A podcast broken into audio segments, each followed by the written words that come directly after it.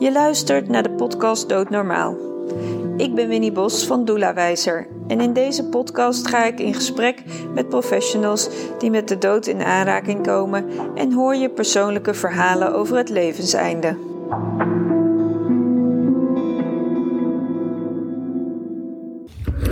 Ik zit vandaag aan tafel met Chantal Frederiks. Fijn dat je er bent.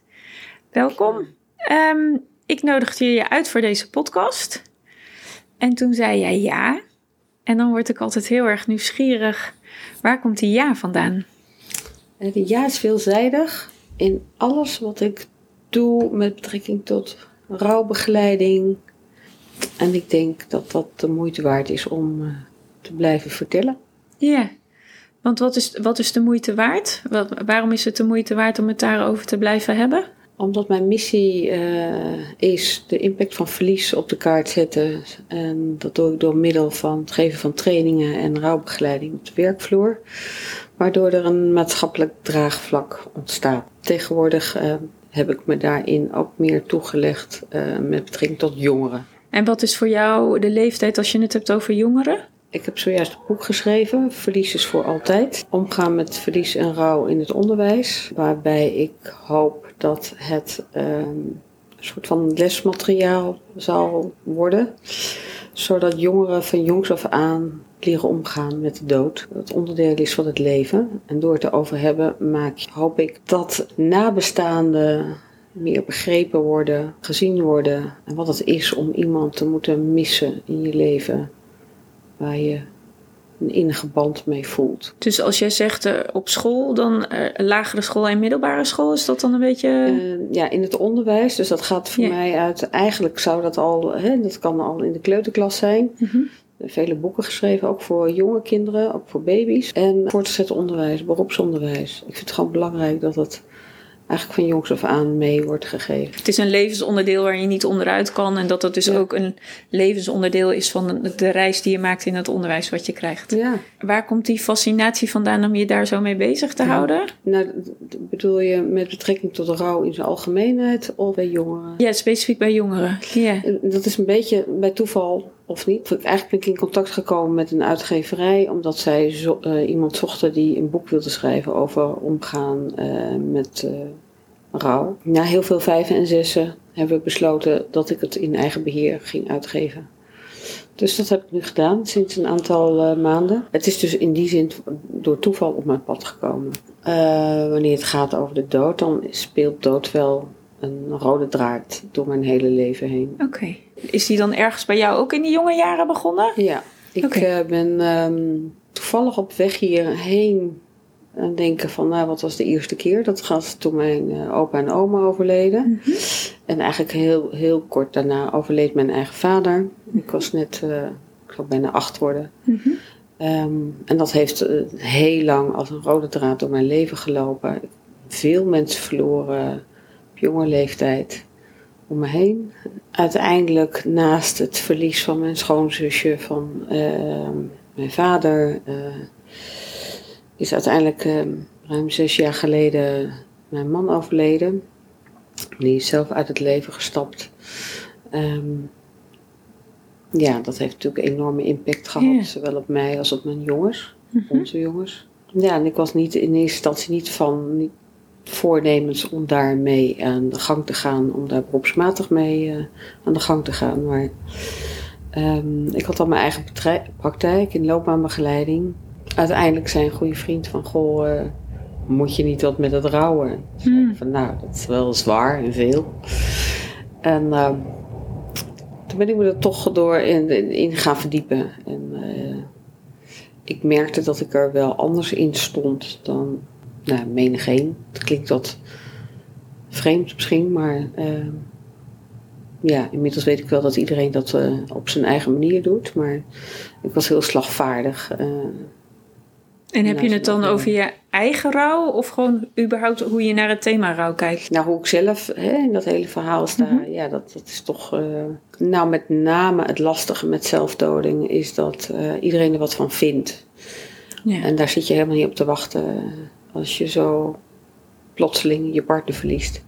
En, en, en kun je voorbeelden noemen? Wat vindt men er dan van? Ik bedoel, wat, wat moet jij dan aanhoren, om het maar even zo te zeggen? Nou, zag je het niet aankomen alsof je daarmee het had kunnen voorkomen, alsof je schuldig bent of whatever. Mensen die uh, een week na de begrafenis zeiden van nou, ik herken je niet meer, dus ik neem afstand van je. Ik was bezig met een opleiding. Daarvan vond men uh, dat ik maar thuis moest blijven zitten rouwen. Zo, dat is even een uh, kleine grip uit. Ja.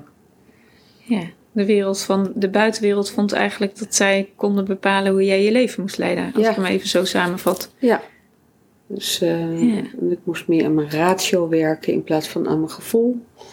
Hmm. Oké, dat is interessant. Nou, Ja. is zo. En dat, dus dat heeft wel. ehm, je hele leven zit op zijn kop. Want het is nogal wat als je een partner hebt die uit het leven stapt en daar zelf voor kiest. Nou ja, dat weet ik niet. Of, tenminste, zo- zelf voor kiest, dat is altijd de vraag. Hè? Of, eh, Ik denk namelijk niet dat hij er wel overwogen voor gekozen heeft. Het is ergens aan het eind van de straat is het licht uitgegaan. Ja, kan op mijn kop gaan staan. ja, Het wordt er niet anders van. nee, dat hij er niet meer is, dat is een gegeven waar je mee Ja. verder moet. eh. Ja. Je zegt, ik, ik kijk heel erg op mijn eigen manier naar rouwen, zei je al eerder. Hm. En ondertussen weet ik dat iedereen rouwt op zijn eigen manier. Ja, we zijn natuurlijk allemaal anders, dus daar, daar, daarmee begint het al anders. Maar heb jij in je, in je boek, waar je het al even over had, heb je daar een bepaalde visie in verwerkt? Hoe jij denkt dat het aangepakt moet worden? Of eh, kun je daar iets over zeggen? Nee, ik heb er zeker wel het nodige in eh, verwerkt. Ehm, het is een, een, vooral een praktisch handzaam boek. Het is niet te dik. Het is met, echt voor docenten om als naslagwerk te kunnen gebruiken. Wat gebeurt er in levensfases van nul tot eh, de adolescentie? Ja. Eh, wat, de do's en de don'ts. Wat gebeurt er in het brein? Wat Mm. gebeurt er in het lijf? Wat kom je tegen de puberteit? Dus zo. Ja, echt die ontwikkelfases waar, waar, Ja. eh, waar zij doorheen gaan. Ja. Die heel bepalend kunnen zijn hoe je dan gaat reageren op als je iemand verliest. Ja. Ja. En natuurlijk benoem ik de, de vijf fases van rouw. En of je daar nou wel of niet aanhanger van bent, dat doet eigenlijk niet zo toe zaak. Ik vind het belangrijk om het te benoemen, zodat je weet hè, wat kan ik eventueel verwachten Mhm. eh, na de eh, freeze, flight of fight. Verschillende religies. Hoe Ja. gaat men om met eh, verlies? Ehm, maar ook een wat breder verlies. Verlies van de gezondheid. En, en hoe belangrijk het is. En wat ik vooral wil meegeven in het onderwijs is... Begeleid jongeren tot het eind van de opleiding. Weet wat er speelt. En je hoeft er niet dagelijks en niet wekelijks op terug te komen. Maar weet wel eh, dat het er is. En dat je eh, ook bij overdracht naar volgend jaar dat benoemt.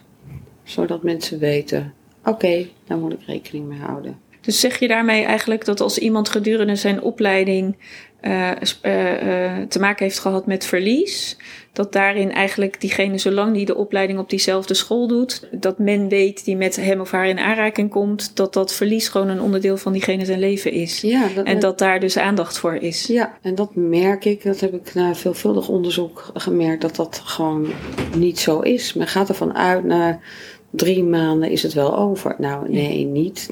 Nee. Dat gaat een heel leven mee. Daarom vind ik het ook heel belangrijk te benoemen dat je dat ook bespreekbaar maakt in een hele klas. Ja, dat je niet alleen degene zelf meeneemt, Ja. maar echt de rest er ook omheen. Maar de rest van de klas ook. Ja. En dat hoef je echt niet uitgebreid iedere keer te benoemen, maar wel aangeven. En zeker als er een leerling zelf is overleden, snap dat, dat die lege stoel in de klas zichtbaar blijft. En dat mis ik eigenlijk wel. ehm, Ja, want het is eigenlijk, als je even kunt kijken naar een mens is meer dan het gezin waar die uitkomt. mhm. Ik zeg altijd, een mens heeft een, een meerdere velden waarin die zich begeeft. Hè? Dus eh, je sport waarschijnlijk, of je hebt je werk, of, oh, of je gaat naar school, eh, of je hebt een vriendengroep, of nou, noem het allemaal maar op. Maar in al die lagen verliest iemand, eh, wordt er een verlies gevoeld Ja. en gezien en, en geleden. Maar die groep moet zich dan ook weer ten opzichte van dat verlies weer opnieuw verhouden. En Ja. dat doet ieder op zijn eigen manier. Nie- Je kan daar geen soort zeggen van oké, dat doen we allemaal zo. Nee, iedereen pakt een, een, ander stukje op van het verlies die, die, waar die dan weer een invulling aan geeft. Ja. Ik weet dat als je daar een gesprek met elkaar over gaat voeren, dat je dan hoort dat er soms gelijkenissen zijn in hoe mensen het verwerken. Eh, bijvoorbeeld, eh, ze horen een nummer en die is eh, verbonden aan die persoon bijvoorbeeld. Ja. Maar ik heb ook wel eens verhalen gehoord waarin vriendengroepen met elkaar een fietstochtje maken. En dan hebben ze het fietstochtje in een hartvorm bijvoorbeeld gefietst. Weet je, zo op die manier. Ja, dat verzinnen we zelf allemaal niet. Nee. Maar die bedenken dan zelf ook rituelen. Dus het is ook heel mooi om aan hun over te laten van... hoe zou je dit willen meenemen in jouw leven? Nou ja, zo. En zo heb ik inderdaad hè, de rouwkoffer eh, die Oh, ik daarin besproken heb. Ja, Wat zit er in die koffer? Symbolisch en niet symbolisch. Ehm, dus hè, praktisch. ja. Het ligt een beetje aan de leeftijdsgroep. Maar ehm, Oh, dus er komt ook echt een, iets, iets, eh, iets praktisch mee met het boek... wat ook da- daadwerkelijk ingezet kan worden in de groepen. ja, Ja, dus het is gelijk heel functioneel inzetbaar. het is heel functioneel inzetbaar. Ja. Maar dat is dan nog wel een uitdaging om dat in het onderwijs te krijgen, kan ik me zo voorstellen. Nou ja, dit is wel meer eh, wat uitdaging Ja. voor me was. Dus Ja. eh, het is inmiddels ehm, opgepikt door Trouw. En, ehm, die hebben uitgebreid prachtig artikel geschreven. Jette Pellemans die ehm, heeft dat heel mooi gedaan. Dat is, eh, dat is op de voorpagina een intern eh, aantal pagina's. Dus het is breed eh, aan bod gekomen. Ja, dus Ja. Er, er is aandacht voor. Er is aandacht voor, ja. Ja. Dus ik vind het fijn dat ik het weer opnieuw op de kaart heb kunnen zetten. Ja. En doet dat dan ook iets met jou, omdat je nu heel erg bezig bent met die wat jongere leeftijdsgroep, zeg maar? Dat dat ook weer iets terughaalt van je eigen verlies van toen je zelf jong was? Of überhaupt Nou, misschien de verliezen? Nee, want het is hè, met vragen wel meer van God, heb je het van je afgeschreven? Nou, dat is dit boek absoluut niet voor. eh daar was het niet voor bedoeld. Daar was het niet. In die zin ben ik daar niet mee bezig geweest. Ik kon wel teruggaan. Ehm, natuurlijk heb je flashbacks. Hè. Mhm. bij mij is het echt altijd op mijn netvlies eh, het afscheid van mijn eigen vader. Ehm, ik heb hem nog net in de kist zien liggen. Dat was in die tijd. Ik, ik hoorde een stukje terug. Hè, met een glas eroverheen. Oh ja, oh die tijd nog. Oh, dat is echt heel, ja. Ja. dat is heel lang geleden. Ja. ja. Mm. Over hoe lang geleden praten we dan? Eh, 1974. ja, dat, ja, oké. Ja, dus ik heb hem nog net in de kist zien liggen. Nou, dat, in die zin ben ik blij dat ik het ook daadwerkelijk gezien heb. Eh, dus in die zin, eh, ja, er waren wel wat dingen dat ik dacht, oh ja, ik herkende bij mijn eigen jongens. Dat ik dacht, oh ja, maar dat- zo heb ik dat ook ervaren. Ja. En kun je daar voorbeelden van noemen? Het zou zomaar kunnen zijn dat hij ergens is. Ja. Dat heb ik zelf ook altijd wel ervaren, eh, lang, toen ik jong was. Dat ik, ik, voor mijn idee was altijd van, goh, als ik in Amsterdam kom, dan kom ik hem vast ergens tegen. Terwijl Oh, ik hem toch echt in de kist had zien liggen. Ja, ja, ja. ja. En dat, dat is veelvuldig komt dat voor bij jongeren. Dat ze die co- connectie bedoel je nog hebben met Ja, dat, eh, dat dat, ze denken ja. dat ik kan hem nog ergens ontmoeten. Ja, Hem of haar. en je hebt het allemaal wel eens, hè, dat je soms, eh, als je iemand verloren bent ehm, door overlijden, dat je denkt, hé, hey, daar loopt hij of zij. ja, dat je een soort herkenning hebt van Ja. eh, een, iemands lichaamsbouw of aan de achterkant misschien van haren. Dat, dat alsof je ja, de dubbelganger dan. eh, ja. Ja. ja, dat herken ik wel. De- de- vind jij dat jongeren anders ermee omgaan dan volwassenen? Ja, dat is wat meer nou, in het moment. Hè. Soms, als, zeker als ze heel jong zijn, dan stellen ze vragen. En dan denk je als ouder eh zijnde, of, als volwassenen zeiden van, nou dan gaan we nog even door op het gesprek. Nee, oké, het antwoord is klaar. Ja. Dan kan ik weer eh, buiten spelen of aan de Ja, Lego precies. of Ja. eh, met mijn poppen spelen of whatever.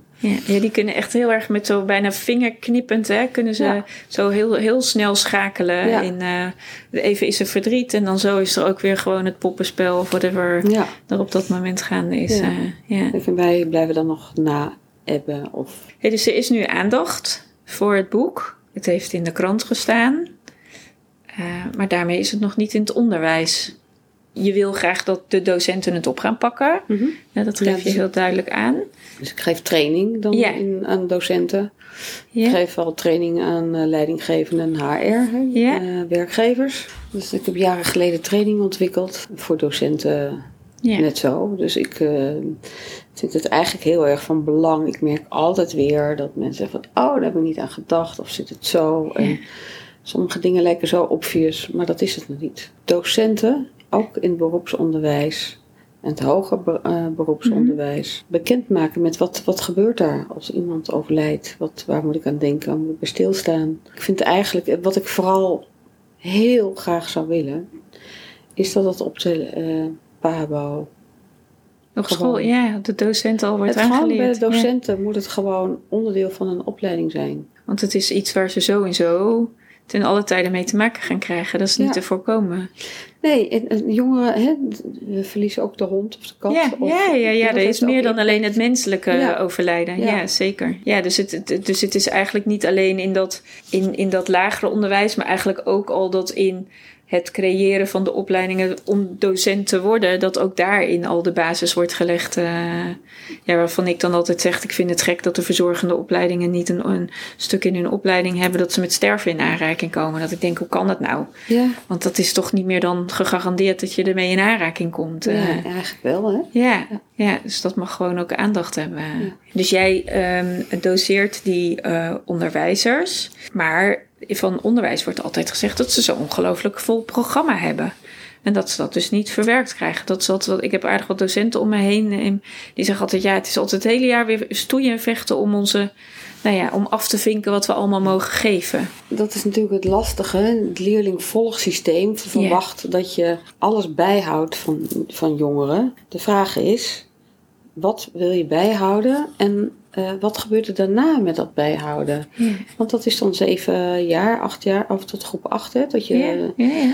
twaalfde, dertiende. Ja, en dan? Wat, wat gaan we met die informatie doen? En dat, eh, toevallig, ik werd heel blij toen ik van de week hoorde dat ze van dat DSM-boek eh, toch nog eens willen bekijken hoe handig dat is.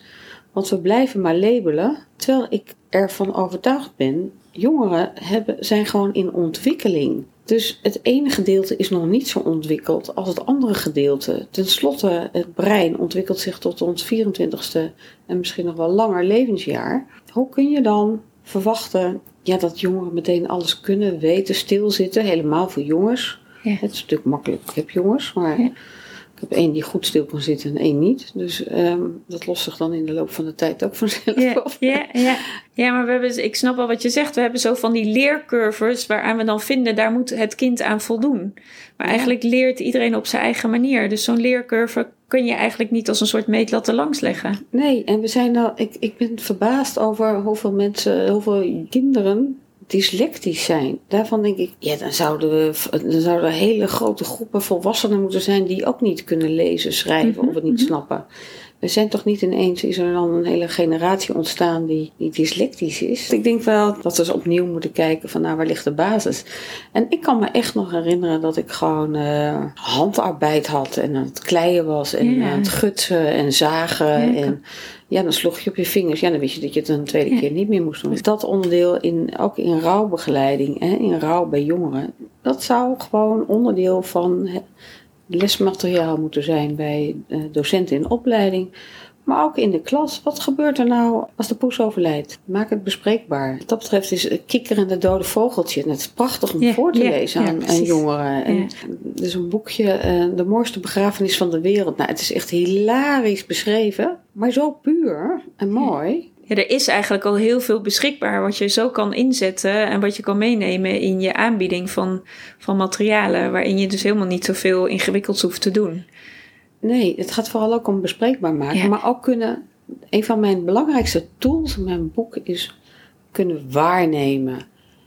Interpreteren, terugvragen, terugkoppelen. Klopt het wat ik waarneem? Hoe is het voor jou? Dit is wat het met mij doet. Het, het is niet heel ingewikkeld.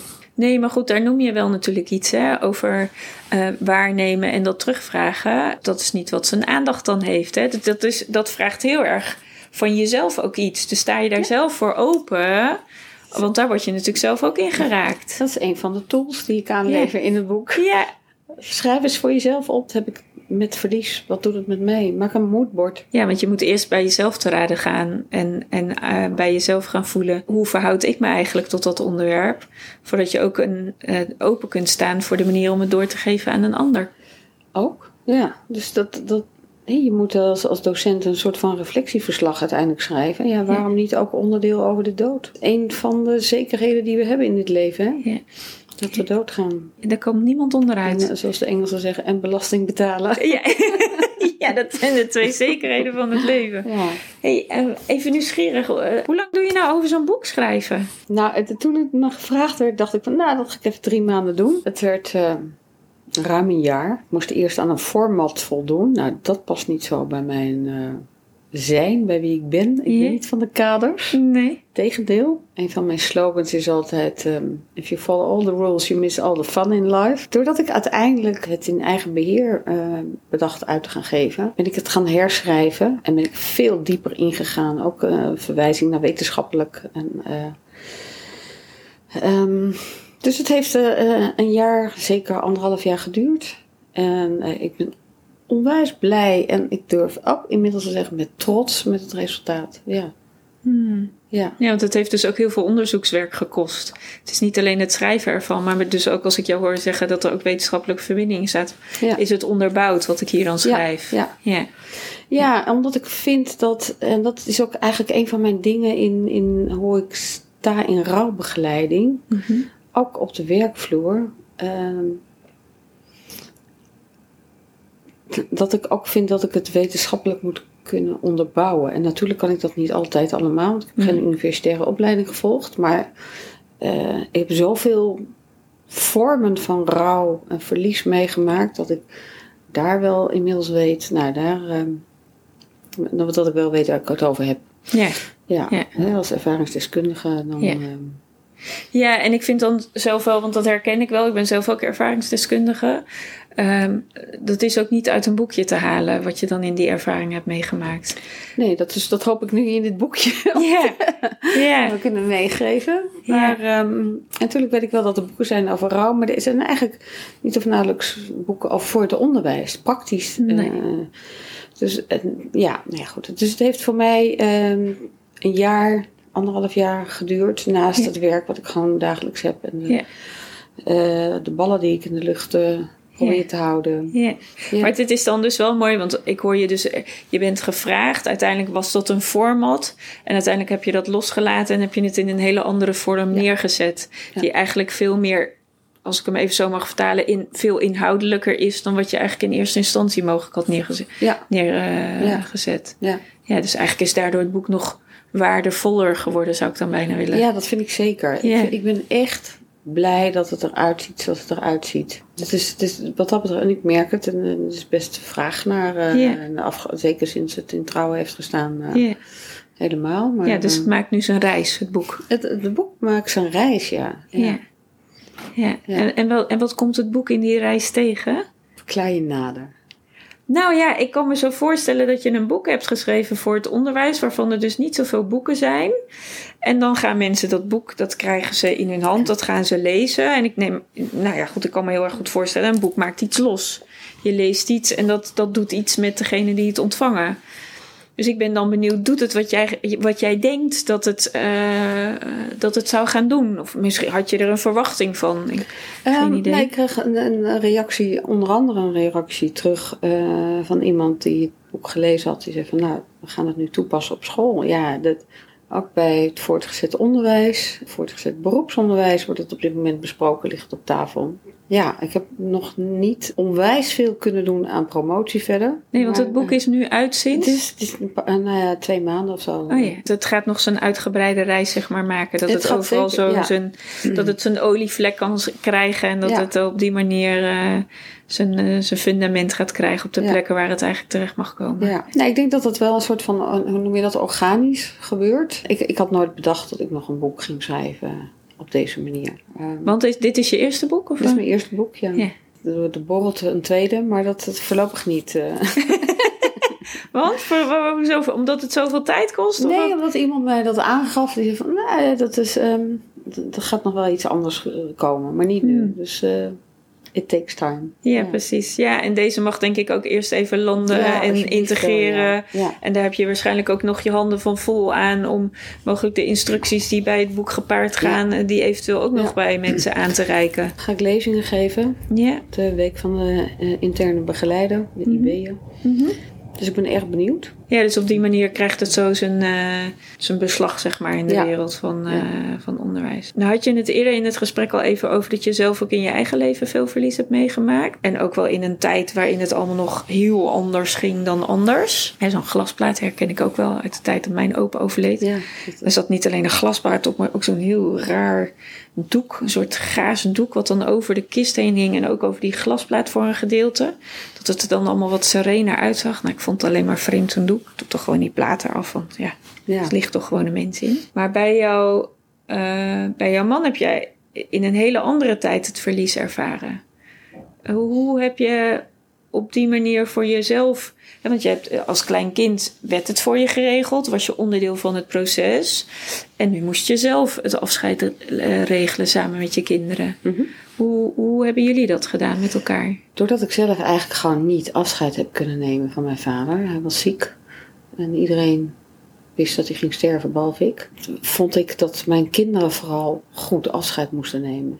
En hoe ze dat zouden doen of wilden doen, dat maakte me helemaal niks uit. En wat de hele wereld daarvan vond, dat vond ik nog wat minst belangrijk. Dus al, ik zeg altijd, al zouden ze op hun kop naast hem zouden staan, allemaal goed. Ja. Dus zij ehm, hebben zelf de muziek uitgekozen die ze wilden. Ze hebben alle twee gesproken tijdens de begrafenis. De oudste heeft de kist gemaakt. Oh, wauw. eh, Samen met de aannemer. Mhm. Nee, ja, die heeft hem geschilderd. We hebben met z'n allen de kist bekleed. Ehm, dus wat dat betreft wel ehm, Heel veel eigenheid erin gestopt. alles. We hebben alles Ja. zelf gedaan. Het is echt, echt het in eigen regie genomen. Ja, als je het normaal gesproken zou bekijken, dan zou je zeggen van nou, het is misschien een ongeorganiseerde bende. En het was goed dat iemand de begrafenis leidde, de begrafenisonderneemster. Mhm. Maar passend bij ons. Bij ons was dood eh, bespreekbaar. Ja. Dus dat ging eh, tussen de aardappels en het vlees eh, tussendoor. Nee, ja, vanaf dat mijn man en ik elkaar leerden kennen, Mhm. Hebben we altijd gesproken van God, stel dat je sterft, wat zou je dan willen? Dus mijn jongens zeggen ook van, oh, nou, dat is een mooi nummer, dat wil ik wel op mijn begrafenis. Oh ja, oh, dat, dat roepen ze dan zo even tussen de Ja. aardappels door, zeg maar. eh. Ja, ja, ja. ja. Maar dat is wel mooi dat dat zo'n openheid heeft. Dat dat gewoon op tafel is- kan. Ja, nee, Ja. ze hebben mijn. ik heb echt lang geworsteld met het verlies van mijn vader, omdat ik me daar niet in gekend voelde. Ze hebben ook wel dingen meegekregen. Ze weten wel hè, hoe ik hem gemist heb als, Mhm. als vader zijnde. Ja, want het is nogal wat als om, om op te groeien als kind zonder een vader. Ja, dus het, dat, dat vind ik ook het ergste in het hele verhaal. Dat zij dat opnieuw in een Ja. nog heftigere vorm moeten meemaken Ja. dan ik. ja, dat jouw kinderen eigenlijk hetzelfde ervaren. Wat jij vroeger ook hebt meegemaakt. Ja, ik maak het wel bespreekbaar. En ze doen dat op hun eigen en eigen gereide manier. Probeer ja, wel oog voor te hebben. Hè. Dus ik moet het ze ook niet overladen met van... eh, hoe is het nou? Ja, ja, ja, ja. Ja, maar kinderen, want eh, jouw kinderen waren dus nog echt, eh, echt jong tiener toen hun vader overleed. Als Ja. ik jou straks even... Mijn de- jongste is, eh, was 11 en Ja. mijn oudste was 17. Ja, precies. Dus dat is echt midden in de tienertijd. Ja, dat, En dat is echt de, de, de, de, tijd waarin je... wie ben ik? Wat ben ik? Wat wil ik? Weet je, ja, dat is echt... levensvragen komen Ja, voorbij. ik bedoel, het is echt, je bent onderzoek, on- onderweg naar, naar jezelf, zeg maar. En dan Mhm. ineens gaat er een, een, een onderdeel van jezelf vertrekt. Dat heeft natuurlijk nogal een enorme impact. Maar wel heel mooi dat, dat jullie dan de vorm hebben gepakt van, we- en we willen het allemaal zelf doen. Ja, Je had ook in die houding kunnen gaan staan dat je zo verlamd bent door het verlies. Dat je dan niet in staat bent om het te doen. Maar het klinkt een beetje alsof het jullie juist bekrachtigde om juist de dingen aan te pakken en dan zelf in eigen hand vorm te geven. Want ik vind het nogal bijzonder als je 17 bent, dat je samen met iemand een kist gaat maken. ja. En dat past wel heel erg bij hem. En Ja. Het paste hem, het past ons gezin. Het was ook Ja. Het grappige is, mijn, mijn moeder overleed afgelopen jaar in, in coronatijd. Het was net eh, in april. Dan moet je samen met je zus de begrafenis regelen. Nou, dat is compleet anders dan dat het bij ons ging. En passend bij mijn moeder. Hè? Dus, dus dat is een heel groot gestileerd boeket. Prachtig en allemaal mooie boeketten. En mijn man en ik hadden destijds afgesproken. Hij gaf aan van nou doe maar een bos herrie op de kist.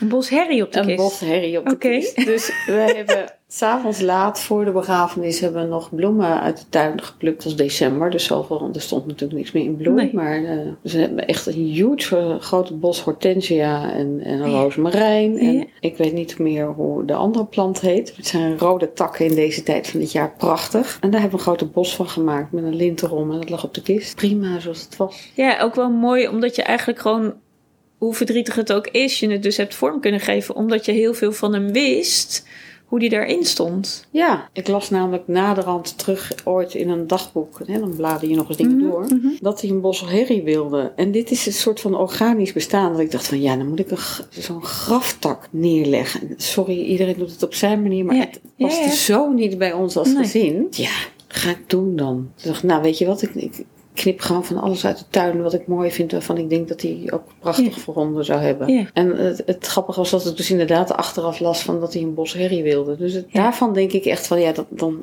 soms zijn er momenten, dat had ik vanmorgen nog. Dacht, oh, dan was ik op zoek naar iets. En dan vallen soort dingen, puzzelstukjes in elkaar of zo. Wat ik me voor kan stellen als, als je op deze manier iemand verliest. Hè? Dus ja, ik vind het woord zelfmoord vind ik verschrikkelijk. Ja, Eh, ik eh, hou ik niet van. Eh, zelfdoding vind ik ook naar. Want dan denk ik, ja, is dat het dan? Maar goed, Nou, wat ik van Jan Mokkerstorm heel erg geleerd heb, Ja. is eh, alle termen benoemen. Ehm, hè, van zelfmoordpreventie 113. Met name voor degenen die suicidaal zijn. Dat je begrijpt dat zelfmoord, iemand gaat googelen, eh, niet op einde aan mijn leven maken of zo. nee, nee, het zijn, ja, het, Het ja, zijn de termen. ja, ja. Terwijl als je zelfmoord, ja, dat zou betekenen dat je een misdrijf pleegt op ja, jezelf. precies, ja. En dat is het natuurlijk niet. Nee. Want hoe, hoe donker moet het worden dat je uiteindelijk uit het leven stapt? Ja, want is het voor jou helder waarom het gebeurd is? Ehm, Want dat is wat je vaak hoort als in dit soort omstandigheden, dat mensen altijd met ongelooflijk veel vragen achterblijven. nou, de- voor mij was het wel duidelijk. Ja. Ik heb niet een, een, een graven. Ik heb ooit op een bijeenkomst gezegd. Drie maanden later, na zijn overlijden. Van ja, graven heeft geen zin. De uitkomst verandert niet. Dus wat lost het op? En dat, dat kan ik zo zeggen. Voor mij was het vooral van je mag ook gewoon weer de slingers ophangen. Toen merkte ik dat een soort van zucht van verlichting door de zaal kwam. Men zei ook na ons oké, zo heb ik er nooit naar gekeken, zo kan het ook. Dus voor mij gaat het niet zozeer om hè, waarom heeft hij het gedaan. Er waren een aantal dingen die ik natuurlijk wel wist, ook Ja. uit, zijn jeugd en verleden. Het had niets van doen met de liefde die hij voelde voor zijn kinderen of voor mij. Ik wil het graag benoemen. Ik ken het uit mijn eigen ge- familie dat er een oom ook gekozen heeft voor zelfdoding. En daar is dus in dat gezin altijd die waarom-vraag terug blijven komen. Waarom, waarom, waarom? Dat, die heeft jarenlang gezongen. Maar dat doet ook iets met je als je in die waarom-vraag blijft hangen. Ja, want dan om daar uit te breken. Dat, en daarom is, is, is rouwbegeleiding zo belangrijk. Want je ziet wat, een, wat het doet met een heel gezin. En zeker na, na zelfdoding, dan, dan gezin raakt verscheurd. En het, het lastige is, is dat 25% kans is dat het zich herhaalt. Hè? Ja. En, dat, ehm, en, en, en wat het dan de impact is van zo'n enorm verlies. En dan blijven worstelen met de waarom-vraag. Dat maakt het ingewikkeld. Ik was Ja. ehm, die dagvoorzitter op een symposium voor nabestaanden van zelfdoding. Ik was de enige die zich niet schuldig voelde. Ja, want dat hoor je inderdaad, dat schuldig voelen. Ja, van, dat ja, is- is toch interessant hè, hoe dat werkt in mensen. Dat het, Ja, Want dat hoor ik ook echt heel veel. Je hoort echt met zelfdoding een soort altijd dezelfde rode lijn in hoe mensen achterblijven. Die waarom-vraag is altijd heel erg groot aanwezig. En altijd het gevoel hebben dat je zelf niet genoeg hebt gedaan om te voorkomen dat. en, dat, en daar zit het hem niet in. Nee. Het, is, het zit niet in, de, in die zin in de omgeving. Hè? Het zit in- Nee, het zit echt in de mens Het zelf. zit in de mens Ja. zelf. En het kan ook systemisch zitten. Hè? Het Ja. kan eh, in, in al hele generaties daarvoor Ja. eh, spelen. Ja, dan kan je nog zo zeggen van... Goh, eh, ik ben blij dat de 113 daar nu ook meer onderzoek Mhm. naar doet. Van hoe werkt dat dan? Ja, dat zit echt wel in een, in een familie meestal verpakt. We kijken altijd naar het hier en nu en hoe de situatie nu is. Ja, maar, het, dat is, ja, precies. Er, zit, Ja. er, er zit, er zit echt een historie achter die ook een betekenis heeft in het leven. Die wij ieder, hè, jij of ik of wie dan ook, in het leven nu leven. ja, Ja, waarom heb je de ene, ene eigenschap van de ander wel en de, Ja. de ander niet? Hè? Dat Ja. is, wel, Ja. eh, We vragen altijd van op wie lijk je of van wie heb je die eigenschap. Ja, dat, dat, dit zijn ook dingen die gewoon in families zitten. Ja, nu, nu zijn we zeg maar zo'n zes jaar verder. Uh, wat heb jij gezien dat het met je kinderen uh, doet in, in, in, de tijd, in de afgelopen tijd, maar ook in, in het hier en nu? Ik probeer dat heel voorzichtig uh, aan te geven, maar zij, zij worstelen er wel mee. Ik vind het heel erg nu ze op deze leeftijd zijn dat ik ze Um, omdat ik best wel veel in de publiciteit ben. Ja, precies. Ja, dat doet... Ik moet echt een eigen privacy bewaren. Ja. Ik vind dat is een ding, een thema. En als mm -hmm. zij daarover willen spreken. Uh, mijn oudste heeft meegegeven een boek van uh, Amélie uh. Dat vind ik mooi dat hij daar zijn medewerking aan verleend heeft. en daarin ook zegt van ik, ik zit niet te wachten op iedereen's mening. Hou die lekker voor jezelf. Uh. Ja, want een, een, een media-aandacht doet natuurlijk ook iets wat met jou. Maar niet alleen met jou, maar ook met je gezin. Ja. En zeker omdat dit natuurlijk zo'n thema is waar iedereen altijd heel veel vragen over heeft Ja. en heel veel aandacht op legt. En bijna de aandacht daarop wil leggen, wat, wat, zo, nou ja, wat bijna de neiging zou kunnen hebben, dat de aandacht weggaat van waar het eigenlijk over gaat, je boek. Nou ja, dat, hè, mijn boek of uh, Ja. mijn training in rouwbegeleiding op de Ja. werkvloer. Dat vind ik vooral ook heel belangrijk. Want daarmee red je namelijk ook een heel gezin. Hè? Wat ik belangrijk vind is wanneer iemand een partner verliest of wanneer een collega zelf over- eh, overlijdt, dat je als werkgever ziet wat de impact daarvan is. En als je dat goed weet te begeleiden, aangaan, eh, is het verzuim, kan je terugdringen met 30 tot 40 procent. Je redt daarmee soms een heel gezin. Hmm. En daarmee dus ook jongere levens. En dat vind ik wel belangrijk om Ja. te benoemen. Ja, want daar, ik vind wel dat je daar iets moois in benoemt, is dat wij onderschatten wat de waarde is van aandacht in zo'n proces voor alles wat erachter zit. Eigenlijk alles wat achter de mens zit die het verlies heeft geleden, die jij misschien alleen op het werk ziet, maar daar zit ook nog een, een gezin of een familie achter waar het ook invloed op heeft. Maar doordat jij als werkgever daar gewoon ongelooflijk veel warme aandacht voor hebt, eh, heeft dat zijn, zijn weerslag op de mens zelf en op alles wat erachter zit. Je, je creëert eigenlijk alleen maar een win-win situatie. Als je als werkgever rouwbegeleiding inschakelt. Ik moet heel eerlijk helaas bekennen dat ook binnen de psychologie is echt, geen, is echt niet altijd kennis over rouw aanwezig. Heel veel rouw wordt gepsychologiseerd. Ja, Terwijl het helemaal geen psycho... Weet je, rouwen is gewoon keihard werken. het is echt heel hard werken. En het is dodelijk vermoeiend. Ja. Eh, Maar dat wil niet zeggen dat je tussen je oren... eh, Je, je bent niet ziek. Het is niet fair om het zo te betitelen. Nee. Ehm, en ik vind dat ik daar heel voorzichtig in moet zijn. Het gaat er vooral om dat je iemand ziet in zijn verlies. In alles wat daarbij komt kijken. Ehm, dat ook als je je ouders verliest op, op wat verdere of latere leeftijd, is dat, heeft dat net zoveel impact. Alleen je leeft niet meer samen. nee. Wat wel ingewikkeld is, is dat wanneer er iemand uit een gezin, dan is die plek nog zoveel meer zichtbaar en letterlijk voelbaar. Hè? Dat, Ja. dat, Ja. dat bed is leeg, hè? waar Ja. je instapt s s'avonds en waar je uitkomt s morgens. Dus, ehm, en die stoel aan tafel ook. Hè, voor, Ja. Dus we mogen eigenlijk veel meer kijken naar dat we denken dat het ons alleen, dat het alleen maar, hè, want dat woord hoor ik dan wel eens. Ik vind, het is maar gedoe, hè? En dan denk ik nee. Eh, eh, als iemand iemand verliest, is het absoluut geen gedoe. Het heeft gewoon ongelooflijk veel aandacht nodig. Maar het wordt zo makkelijk zo. Ik heb het zelf ook wel bij heel veel werkgevers waar ik heb gewerkt gezien. Dan denk ik ben na een paar maanden zo van, nou, nou, het moet maar eens klaar zijn. Eh, terwijl ik denk, ja, maar het is nooit klaar. Dus je dient dat gewoon altijd aandacht te geven. En er hoeft niet eh, bij iedere lunch of eh, diner wat gegeven wordt of waar je samen bent.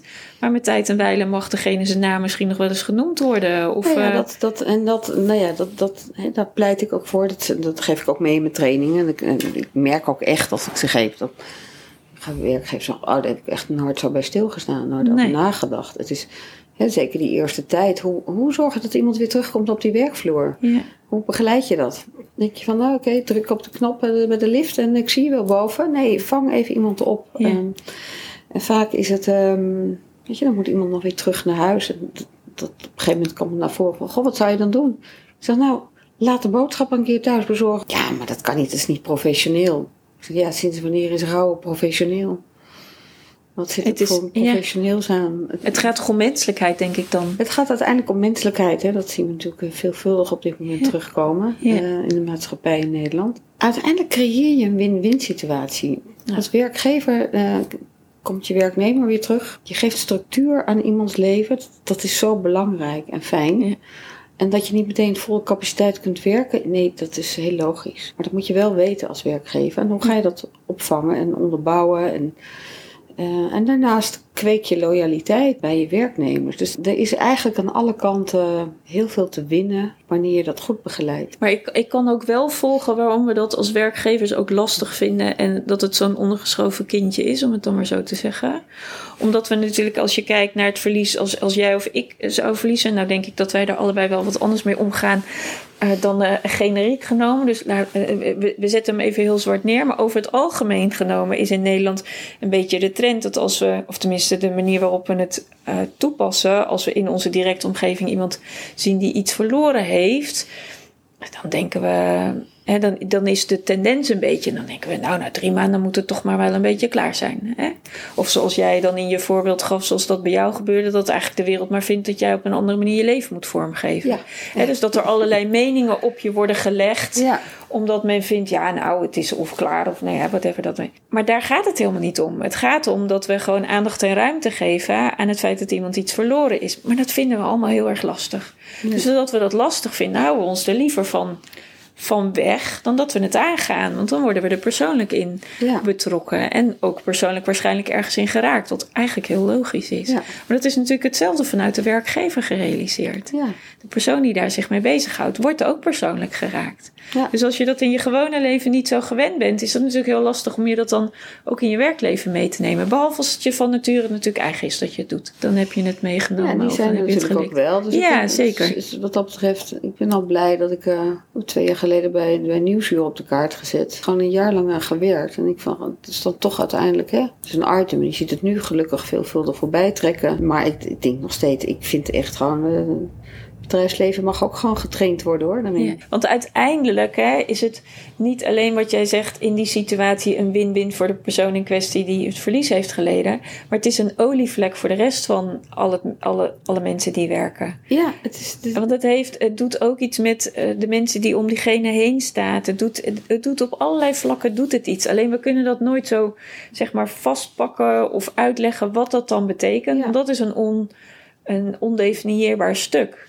Maar dat het waarde heeft, is, is nou ja, bijna vanzelfsprekend, het is, het is, zou ik zeggen. Nou ja, dat klinkt misschien vreemd, maar ik zeg al, het is veel goedkoper om een goede rouwe consultant, uh, zoals ik, uh, in te huren, dan dat je iemand uh, thuis hebt zitten. Ja, hij verdient zijn geld terug. Of ja, ja. zoals dan het bedrijfsleven ja, ja, nee, naar kijkt. Het, wel. We kunnen wel, hè, dat vind ik wel dat in de, binnen de hele sector, je mag ook gewoon neerzetten dat je het waard bent om te begeleiden. En ja. het bedrijfsleven heeft gewoon behoefte aan structuur en duidelijkheid. Nou, oké, okay, ik help ze graag verder. Ja, en wat ik wel, wel mooi vind als ik jou zo hoor praten, is dat het heel erg gaat, hè, als we als we een, het boek daarin dan ook meenemen in, in het werk wat jij doet. Het gaat gewoon om aandacht, omdat iemand gezien wordt, omdat uh, alles er mag zijn en dat niks vreemd is. Ja. Maar dat, uh, dat het wel een stukje menselijkheid vraagt in de interactie tussen elkaar. En dat als je daar al heel vroeg mee begint, je daarmee eigenlijk gewoon eh, de, de, jongeren al een soort van scholt om dat mee te nemen in hun leven en ze dat dan ook op hun manier weer in hun leven door gaan geven. Het is, er is echt een wereld te winnen wat dat dan gaat. Dus als je daar gewoon lesmateriaal van maakt, ja, denk ik dat je met z'n allen daar wat te winnen hebt. Want je maakt uiteindelijk allemaal verlies mee. Ja, en die leerling op de lagere school wordt ook ooit eens een keer een werknemer. Ja, uh, of een werkgever. Of een werkgever. Ja. En kan dat dan weer op zijn manier zo doorgeven. En dan heb je het cirkeltje eigenlijk weer rond. Uh, ja. Waarin je dan al vroeg begint. En dan mensen dat in hun toekomstige leven ook weer uh, uiteindelijk doorgeven. Wat ze op dat in jonge jaren hebben meegekregen. Ja, en begeleid ook zo'n klas. hè Zo'n leerling is overleden. Als dat vijf jaar geleden is dat iedereen uiteindelijk uit die schoolbanken verdwijnt. Noem het aan het eind. Neem het mee. Ja, het is ook voor de ouders. Hè? Is dat, Zeker. Heel fijn. Ja, het gaat, het gaat gewoon echt om aandacht en gezien, aandacht en gezien worden. Dat, dat zijn voor mij wel echt ja. die hele kernwoorden die daar. Ja, bespreekbaar maken. Van hoe is dat voor jou? Nee, en dat, de tools die ik aanreik in mijn boek, denk ik dat, dat nou ja, die geef ik ook aan in mijn trainingen mm -hmm. en uh, rouwbegeleiding op de werkvloer. Ja. Dus als mensen zich wat meer eigen willen maken wat je in je boek beschrijft, dan is het heel handig om bij jou een training af te nemen om dan de tools tot zich te krijgen. Ja. En dan kunnen ze dat uiteindelijk op hun eigen werkvloer, waar dat dan ook is, of dat nou bij een werkgever is op een school, kunnen ze dat op die manier uh, Ja. kunnen ze dat vormgeven. En je noemt nog even een keer jouw boek. Verlies is voor altijd. Ja. Omgaan met verlies en rouw in het onderwijs. En, en waarom heb je dat boek zo genoemd? Verlies is voor altijd. Ik bedoel, ik snap hem, maar. Waarom heb ik het zo genoemd? Nou, dat is in samengaan met eh, degene die het geredigeerd heeft. Mhm. Ehm, ik ga hem je bij deze Oh, overhandigen. nou wat mooi, dank je wel. Alsjeblieft. Ja, oh, is het Ehm, ook heel mooi uit. Omdat verlies eigenlijk voor altijd is. Ik kan niet zeggen het is nooit klaar, maar je, het, hoe kun je het integreren in je leven? Zodat het draagbaar wordt. En wat ik wel mooi vind, want ik heb dus net het eh, boekje van jou gekregen, is dat ook de titel in zo'n, ja, ik noem het, eh, ik noem het maar even bewegend lettertype, zal vast een ander woord voor zijn, maar dat het ook echt zo in zo'n beweging van, eh, ja, voor mij hoe het leven ook is. Het leven is een beweging. En zo heb Ja. je de titel ook in het boekje gedaan. Ja. Dus dat vind ik dan ook nog eens beeldend voor de inhoud. Nou, het is inderdaad een heel mooi, Jan. Ik blader het even door. Het, het is een. Ik ga het met de aandacht nog op een ander moment lezen. Maar als ik zo even kort er doorheen blader, wordt het ook voorzien van hele mooie plaatjes. Dus het is ook nog eens beeldend. Niet alleen Ja. maar eh, Ja, voorzien van woord. En wat, en wat, wat is het? Ehm, overzichten of eh, diagrammetjes waar je. ja. En het is echt heel thematisch ingedeeld. Met af en toe ook nog wat mooie quotes. Volgens mij zie ik even in zo'n snelle Ja. dingen erdoorheen. Nou, ik, ik zou bijna zeggen, zo klein als dit is. Dit, dit moet toch bijna. Dit, dit heb je zo. Nou, ik kan me voorstellen dat, dat, dat, wat je leest in dit boekje, dat dit wel inhoud geeft. Of tenminste, dat het iets losmaakt. Dus het is een heel mooi klein handzaam boekje. Maar dat de beweging die je teweeg brengt, dat dat nog wel eh, zo zijn. Nou, wat is het? Zijn naweeën kan hebben bij sommige Ja. mensen. Nee, je kunt het gewoon in je tas stoppen. Ja, en altijd bij je dragen. Altijd bij je dragen. Ja, ja. Dat vind ik ja, dat is mooi. Ja, dat als je het even nodig hebt, dat je gewoon op basis van, eh, van de inhoud gewoon even kunt terugpakken waarvan je denkt, oh ja, wat, heb ik, wat wil ik vandaag bijvoorbeeld doen? Ja, wat, Ja. wat wil ik er ook alweer? Ja. Ja, dus ehm Mooi. dankjewel. Nou, dat het maar een mooie reis mag maken. Ja, zeker. En op zijn plekken terecht mag komen waar het voor bedoeld is. En dat het op die manier, eh, ja, ehm, beklijfd mag worden in ons leven. Bij iedereen die het mag ontvangen. Ja, dat hoop ik inderdaad echt, ja. Ja, Ja, dan wil ik je heel erg bedanken. Voor Graag je gedaan. tijd en voor je openheid. dankjewel. En met heel veel eh, liefde en eh, plezier gedaan. Ik vond het fijn om hier te zijn.